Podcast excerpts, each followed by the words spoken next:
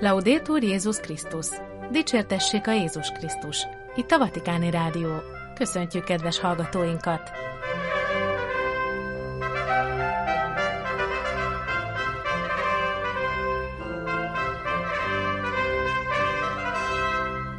A mikrofonnál a szerkesztő Gedő Ágnes. Keddi adásunk témái.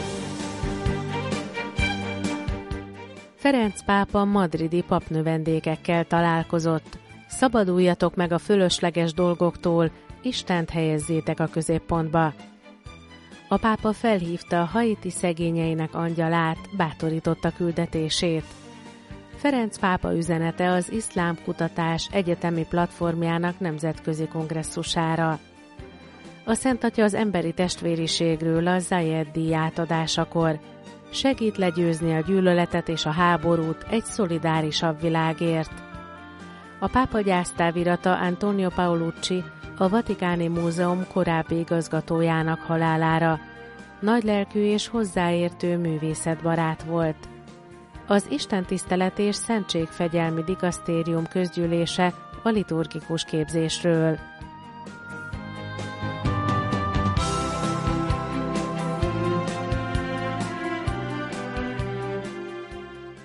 Ferenc pápa madridi papnövendékeknek.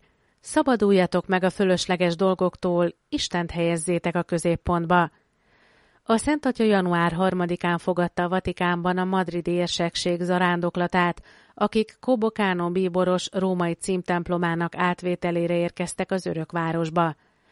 Előre elkészített és átadott beszédében a pápa arra buzdította a szeminaristákat, hogy az eukarisztia határozza meg gondolataikat és tevékenységüket, és szabaduljanak meg mindattól, ami lehúzza őket, a csönd, a bőjt, az ima, az aszkézis és a bűnbánat segítségével.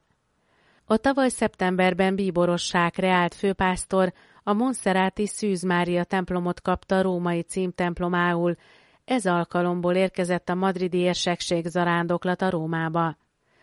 Ferenc pápa kötetlen beszélgetés párbeszéd formájában társalgott az audiencián a papnövendékekkel, miután előre megírt beszédét átadta nekik. Ebben arra kéri őket, hogy tekintetüket függesszék mindig az eukarisztiára, mely buzdítás, tanítás lehet számukra, ellenőriz, példát állít, gondjukat viseli. Ezáltal képesek lesznek kivonni magukat a világias lét csapdáiból, a feltűnési vágyból. Mi kell ehhez? A Szent Atya csöndet, az imádságot, a bőtöt, a bűnbánatot és az aszkézist jelölte meg eszközül, hogy ezek segítségével megszabaduljanak minden rabságtól, és teljesen Istennek éljenek. A spanyol szent püspök Manuel González lelkipásztori álmát idézve a pápa egy olyan szeminárium képét festette le, amelyben az eukarisztia legjobb ösztönző erő a pedagógiában, a legelső tanítómester és tantárgy a tudományban, míg a fegyelemben a legéberebb felügyelő. Az aszkézis legélőbb példája, az anyagiak terén gondviselés, míg építészeti értelemben sarokkő. Gondoljuk végig ezeket a pontokat, hogy Istent helyezzük a középpontba. Ő legyen az alap, a terv és az építész, a sarokkő. Ezt pedig csak az imádással érjük el, Jézus pedagógusként türelmesen, szigorúan, szelíden és határozottan bánik majd velünk, attól függően, mire van szükségünk. Mert ő jobban ismer minket önmagunknál, vár és bátorít, támogat végig az úton. Ő számunkra a legnagyobb ösztönző erő, mert életünket arra szenteltük, hogy kövessük őt. A Szent Püspök a fegyelemmel kapcsolatban a legéberebb felügyelőnek nevezte az eukarisztiát, mely minden nap segít elgondolkodnunk világias elképzeléseink hiába valóságán, a törekvés, a feltűnés iránti vágyunk fölöslegességén. Megkülönböztetés, tudomány és éberség. Ezek a szeminárium kulcsszavai, amik azonban aszkézis nélkül mit sem érnének. Párbeszédben kell lennünk Jézussal, megszabadítva szívünket minden fölöslegestől, vagy olyan dologtól, ami félő, hogy elnyomja az ő szavát, bízta még üzenetét a pápa a madridi papnövendékekre. A pápa felhívta Páezi nővért, Haiti szegényeinek angyalát, bátorította küldetését. A szerzetes nő 2500 haiti kisgyerek anyja, akit február 3-án szombaton felhívott Ferenc pápa, hogy tájékozódjon a sziget helyzetéről és támogatását fejezze ki az apáca tevékenysége iránt a legszegényebbek javára. Általában, amikor pályázi nővérnek van ideje felvenni a telefont, az azért van, mert van egy megoldandó probléma. Különben mindig azzal van elfoglalva, hogy vigyázzon a haiti utcagyerekek kis csapatára. Február harmadikán délután egy óra körül más okból vette kezébe telefonját. A pápa volt a vonalban, aki miután elolvasta történetét az Osservatore Romano vatikáni napilap nők által szerkesztett Nők Egyház Világ elnevezésű havi folyóiratában beszélni akart a francia szerzetesnővel, aki 1999 óta van jelen Port-au-Prince-ben, hogy a gyermekeknek szentelje magát a Haiti főváros legnagyobb nyomornegyedében, a Cité Soleilben, ahol a kizító közösség 2500 gyerekről gondoskodik. Ferenc pápa felhívta az apácát, hogy bátorítsa őt küldetésében, ahogy ezt Pajzi nővér kifejtette a Vatikáni Rádió francia adásának adott interjújában. Pajzi nővér hogyan fogadta Ferenc pápa hívását, hangzott az első kérdés a szerzetes nőhöz. Nagy meglepetés volt számomra. Amikor megcsörrent a telefon, nyilván egyáltalán nem számítottam arra, hogy a Szent Atya lesz. Bátorító üzenettel buzdított, és megköszönte, hogy jelen vagyok a gyerekek között. Imájáról biztosított, ami nagyon megérintett engem. Ami igazán meglepett ebben a telefonhívásban, az a Szent Atya hangja volt. Nagy finomságot és nagy kedvességet éreztem benne. Nyilván azonnal megosztottam a hírt a közösségemmel, a csapatommal és néhány gyerekkel. Ez sok más embernek örömet és reményt okozott, mert az üzenet nem csak nekem szólt, hanem valójában egy gesztus volt a haiti gyerekek és a legszegényebbek felé. A múlt hónapban hat apácát elraboltak Haitin. Biztonságban érzi magát? Miért veszik célba a bűnbandák az egyház tagjait, amikor az egyház a legsebezhetőbbek oldalán áll? kérdezte a francia újságíró. A portoprinci emberrablások a társadalom minden szintjét érintik. Néhány ember különösen célpont lehet, például a nagyon gazdagok, akiket egyértelműen váltságdíjért rabolnak el. Néha egyszerű járókelőket, tömegközlekedésen utazókat, és nem különösebben gazdag embereket is elrabolnak. A hat apáca esetében nehéz megmondani az okot. Nem volt az az érzésem, hogy az egyházat különösebben célkeresztbe vették volna. A váltságdíj megszerzésének reményében cselekedtek. Néha ez függhet a megszentelt életet élők, a papok vagy az apácák életmódjától. Az emberek fejében egyesek közülük a leggazdagabbak kategóriájához köthetők, de nem lehet általánosítani. Funkciójuknál fogva egyes szerzetesek nagyon közel állnak a szegényekhez, mások kevésbé. Sok utcagyereket, elhagyott gyereket segít, mi lenne a jövőjük az egyház az öntevékenysége nélkül? Valóban magukra maradnának, és szegénységben élnének, válaszolta a pályzi nővér. Mi történne velük? Csak az úr tudja. De néhány nappal ezelőtt néhány anya azt mondta nekem, nővér, ha te nem lennél, mind meghaltunk volna. Szerintem kicsit túloztak, de ezt gondolják, ezt fejezik ki. Időnként felteszem magamnak a kérdést, hogy az emberek hogyan tudnak több napig túlélni anélkül, hogy ennének, és megfosztva mindentől. Az Úr jelen van. Azt hiszem, a válasz a következő. Ott van értük. Jelen lehet rajtam keresztül, vagy más módon, de soha nem hagyja el a gyermekeit, hangsúlyozta a Haitin élő francia szerzetesnő a Vatikáni Rádiónak adott interjújában. Ferenc pápa üzenete az iszlám kutatása egyetemi platformjának nemzetközi kongresszusára. Február másodikától hatodikáig tartottak az Egyesült Arab Emírségek fővárosában, Abu Dhabiban az iszlám vallásra foglalkozó egyetemi platformnak nemzetközi kongresszusát, amelyre Ferenc pápa február 4 eltezéssel üzenetet küldött. Ebben kifejti, hogy a párbeszéd és a testvériség megteremtésének legfontosabb akadályi az egymás nem ismerése, a meghallgatás hiánya és az intellektuális merevség. Ferenc pápa üzenete három pontban jelöli meg a problémák gyökerét. Az első ok mások ismeretének a hiánya. A ma és a holnap világának problémái megoldatlanok maradnak, ha nem tanuljuk meg egymást megismerni és megbecsülni, ha elszigeteltek maradunk.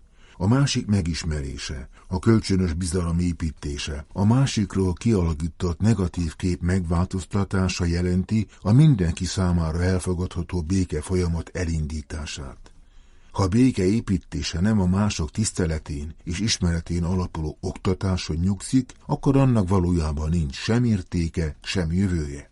Ferenc pápa üzenete ezért sürgeti második szempontként a másik meghallgatását, amire megfelelő időt kell szánni.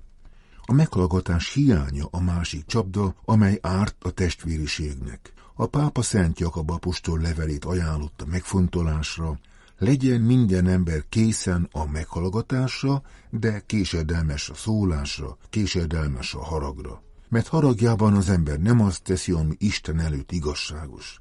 Mennyi rosszat lehetne elkerülni, ha több meghallgatás, csend és egyben igaz szó lenne a családokban, a politikai vagy vallási közösségekben, az egyetemeken, valamint a népek és kultúrák között.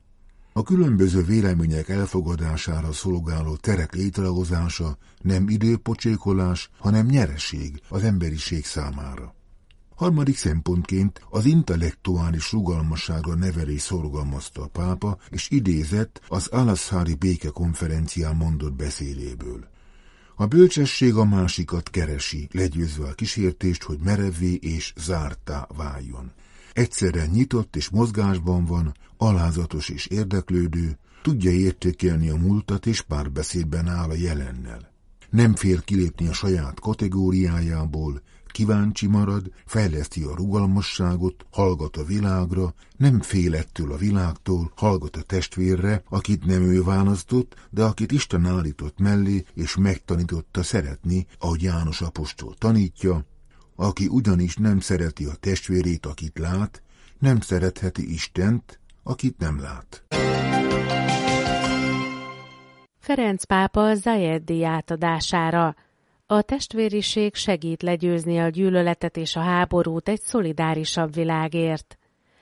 Az emberi testvériségről szóló dokumentum 5. évfordulóján az ENSZ világnapon olvasták fel Ferenc pápa üzenetét Abu Dhabiban, az Ábrahámi család házában tartott találkozón, amelyen béke Nobel-díjasok, vallási vezetők és kormányfők egyaránt részt vettek. Ma a szolidaritás hiánya a világban a környezet és a társadalom pusztításához vezet, ezért fontos a társadalmi barátság értékeinek előmozdítása, melyet a 2024-es Zayed díj három nyertese különféle területeken megvalósít. Egyfelől bátorító, hogy öt éve az Abu Dhabiban megkezdett párbeszéd, barátság és kölcsönös megbecsülés folyamata gyümölcsöket terem, másfelől a világ sok részén a testvéri szolidaritás hiánya a természet és a társadalom pusztításához vezet, mely óriási szenvedést okoz nagyon sok testvérünknek. Ezért azokra az elvekre kell felhívni a figyelmet, amelyek az emberiséget kivezetik az igazságtalanság, a gyűlölet és a háború árnyaiból a világ közösség fényére, amelyet nagyobb társadalmi szolidaritás és testvéri szeretet jellemez. Így ír Ferenc pápa üzenetében, amelyet abból az alkalomból küldött, hogy öt évvel ezelőtt 2019. február 4-én írta alá az Alaszhár Egyetem nagyimámjával közösen a közel-keleti városban a világ békéért és az együttélésért megfogalmazott emberi testvériség dokumentumot.